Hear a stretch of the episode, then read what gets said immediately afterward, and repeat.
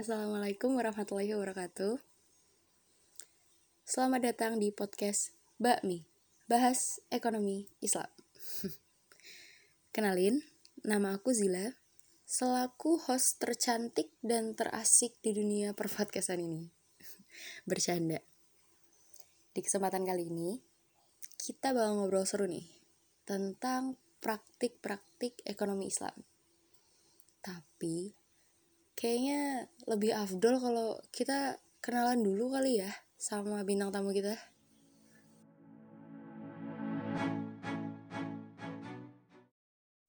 Halo teman-teman semua, perkenalkan aku Ria. Aku Luai. Aku Yumna. Aku Salsa. Aku Samara. Dan aku Surya. Oke, kalau gitu kita mulai ngobrol aja kali ya sama para bintang tamu kita yang kayaknya udah pro banget nih tentang praktik ekonomi Islam. Kita mulai dari jual beli. Aku mau tanya dulu ke Ria. Gimana Ria? Apa sih sebenarnya jual beli itu? Dan ada gak sih dalil yang menjelaskan tentang jual beli? Iya, jadi dalam Islam, uh, jual beli ini berasal dari bahasa Arab zila, yaitu ba'a yabi'u, yang artinya memiliki dan membeli. Menurut istilah sendiri, jual beli ini bisa diartikan yakni proses tukar-menukar barang untuk memiliki dan memberi kepemilikan sesuai syarat dan rukun tertentu.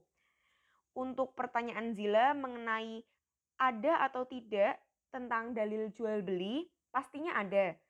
Malah ada banyak sekali dalil yang menjelaskan mengenai jual beli baik itu dalil menurut Al-Quran maupun sunnah Nabi. Salah satunya yakni dalil yang menerangkan bahwa jual beli tidak boleh dilakukan secara batil, karena jual beli ini seharusnya dipergunakan untuk memenuhi kebutuhan hidup. Dalil tersebut terdapat dalam Al-Quran surah An-Nisa ayat 29 yang berbunyi, A'udhu billahi. Bismillahirrahmanirrahim. Ya ayyuhalladzina amanu la ta'kulu amwalakum bainakum bil batili illa illa an takuna tijaratan antaradim minkum wa la taqtulu anfusakum Innallaha kana bikum rohima. Yang artinya, hai orang-orang yang beriman, janganlah kamu saling memakan harta sesamamu dengan jalan yang batil, kecuali dalam perdagangan yang berlaku atas dasar suka sama suka di antara kamu. Dan janganlah kamu membunuh dirimu. Sungguh Allah maha penyayang kepadamu. Masya Allah, ternyata gitu ya, Ri. Nah, gitu teman-teman. Jadi, Sebenarnya, kalau kita mau ngerti tentang jual beli yang baik dan benar itu harus sesuai dengan petunjuk dan dalil-dalil yang ada. Oke, tadi udah nih bahas tentang apa sih jual beli itu. Selanjutnya, aku mau tahu nih soal syarat dan rukun jual beli. Mungkin kali ini Luai bisa jelasin ya tentang syarat dan rukun jual beli. Oke Zila, jadi nih dalam ekonomi Islam, jual beli itu bisa dikatakan sah apabila memenuhi syarat dan rukunnya. Adapun yang menjadi rukun jual beli sekaligus syarat-syarat dalam setiap unsur rukun jual beli, yaitu poin yang A, adanya akid atau penjual dan pembeli. Penjual dan pembeli dalam proses jual beli itu harus memenuhi persyaratan sebagai berikut. Yang pertama ada balik, yang kedua ada berakal, yang ketiga ada atas kehendak sendiri, dan yang keempat ada bukan orang yang terhajru. Orang yang terhajru adalah pemboros dan muflis. Kemudian poin yang B, adanya makut alaih atau barang yang dijual belikan. Barang yang dijual belikan harus memenuhi persyaratan sebagai berikut. Yang pertama ada barang adalah milik sendiri, yang kedua barang dapat diserah terimakan, yang ketiga barang ada manfaatnya, yang keempat, barangnya suci atau tidak najis. Dan yang kelima, barangnya teridentifikasi. Kemudian poin yang terakhir atau poin C, adanya sigat atau ijab kobul. Ijab adalah pernyataan dari seorang penjual, sedangkan kobul adalah pernyataan dari seorang pembeli. Berarti, ijab dan kobul dalam proses jual beli harus memenuhi persyaratan yang telah ditentukan, antara lain. Yang pertama, dilakukan atas kehendak sendiri, yang kedua dilakukan secara berlangsung, yang ketiga dilakukan secara bersambung, yang keempat tidak digantungkan dengan sesuatu yang lain, dan yang kelima tidak ada batasan waktu. Oh gitu. Jadi, intinya untuk rukun jual beli itu sendiri tuh cukup simpel ya. Yang pertama, harus ada penjual dan pembeli.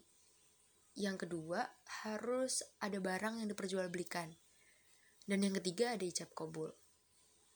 Oke, di sini aku udah lumayan paham nih tentang jual beli. Tapi kita pastinya masih pengen tahu lebih dalam dong. Kali ini kita bahas tentang macam-macam praktik jual beli. Um, kali ini aku mau minta tolong Yumna deh buat ngejelasin. Silahkan Yumna.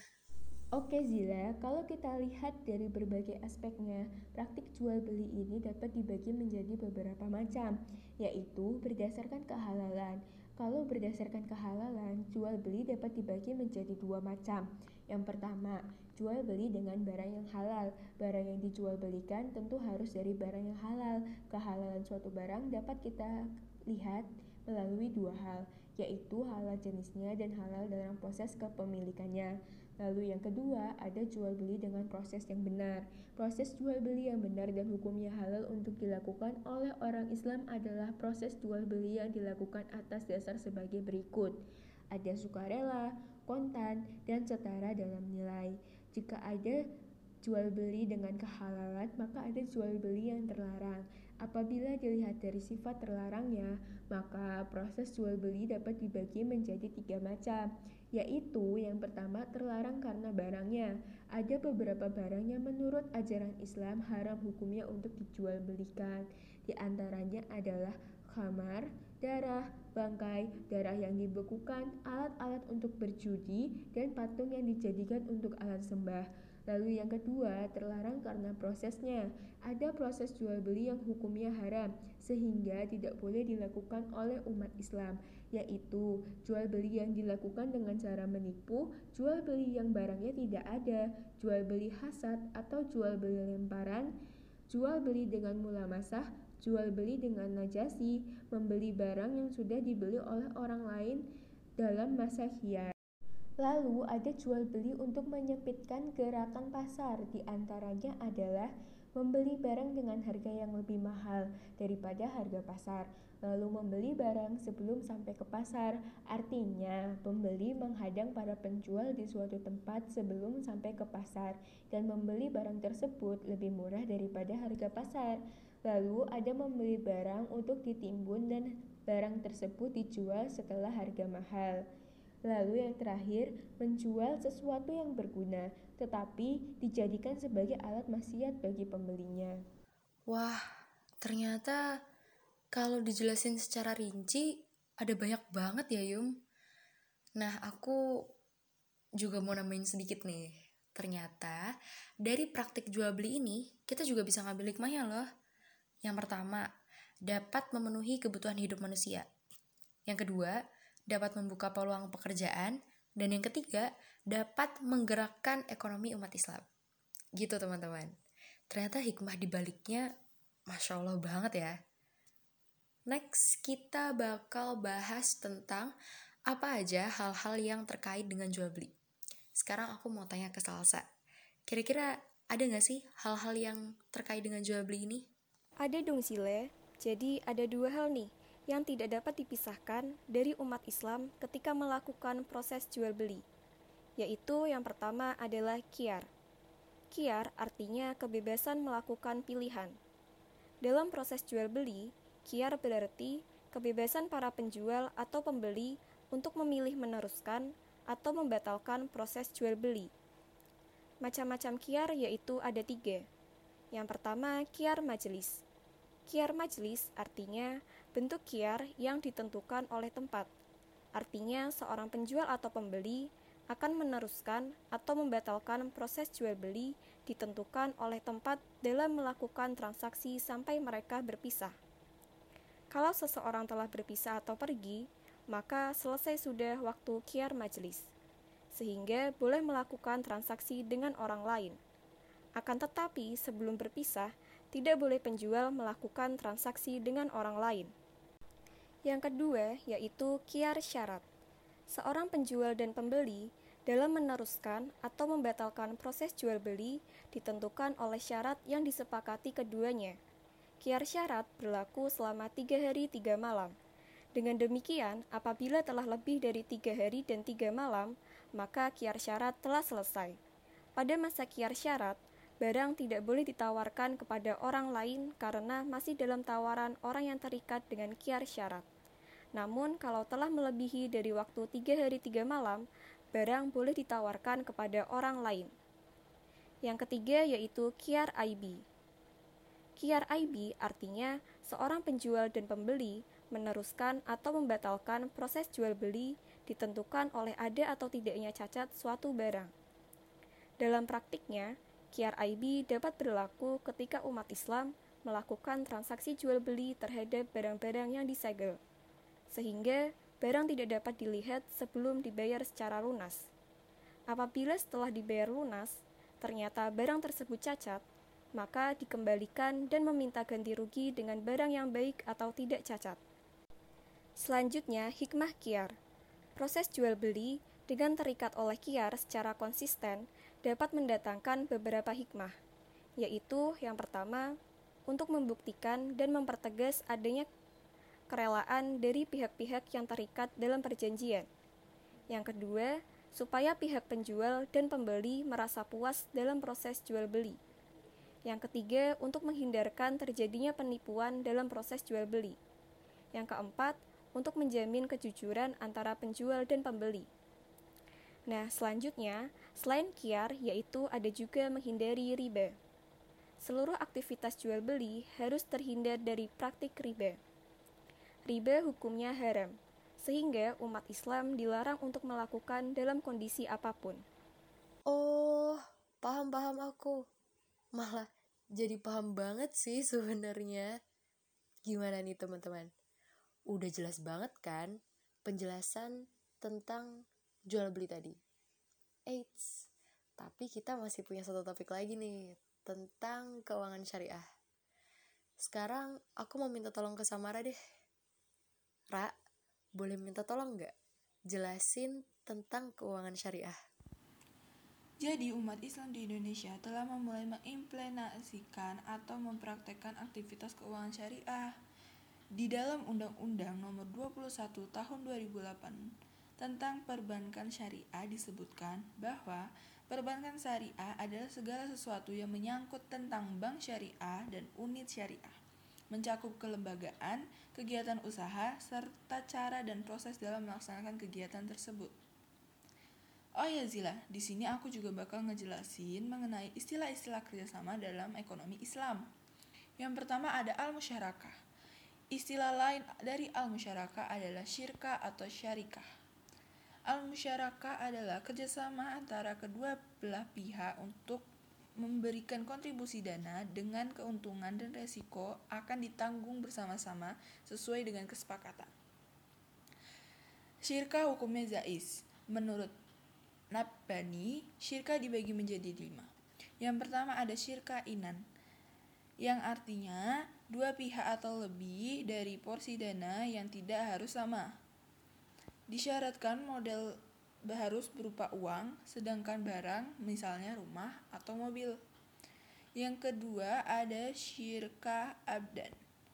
Syirka abdan antara dua pihak atau lebih yang masing-masing hanya memberikan kontribusi kerja tanpa kontribusi modal. Selanjutnya ada syirka mudarabah yang artinya akad kerjasama usaha antara dua pihak di mana pihak pertama menyediakan seluruh modal, sedangkan pihak lainnya sebagai pengelola. Selanjutnya ada syirkah wujuh. Syirkat antara dua pihak, misalnya A dan B, yang sama-sama memberikan kontribusi kerja, Sedangkan pihak ketiga misalnya C yang memberikan kontribusi modal. Yang selanjutnya ada syirkah mufawadah yaitu gabungan dari semua jenis syirkah di atas. Kemudian yang kedua ada al-mubarobah yang artinya memukul atau berjalan. Pengertian memukul atau berjalan ini lebih tepatnya adalah proses seseorang memukul kakinya dalam menjalankan usaha. Oh, jadi gitu ya, Ra? Berarti untuk istilahnya ada al-musyarakah dan al-mudarobah. Oke, yang terakhir ada Surya. Langsung kita dengerin aja kali ya, dia mau nambahin apa? Oke, di sini aku mau nambahin dikit tentang istilah kerjasama dalam ekonomi Islam yang lain, yakni ada al-muzaro'ah. Al-Muzaro'ah adalah kerjasama pengelolaan pertanian antara pemilik lahan dan penggarap, di mana pemilik lahan memberikan lahan pertaniannya kepada penggarap untuk ditanami dan dipelihara dengan imbalan bagian tertentu dari hasil panen. Al-Muzaro'ah sering diidentikan dengan Al-Mukhobaroh, padahal di antara keduanya terdapat perbedaan. Al-Muzaro'ah artinya benih dari pemilik lahan. Al-Muhobaroh artinya benih dari penggarap. Di sini ada juga al-musakoh. Al-musakoh adalah bentuk yang lebih sederhana dari al-muzaroah, di mana si penggarap hanya bertanggung jawab atas penyiraman dan pemeliharaan.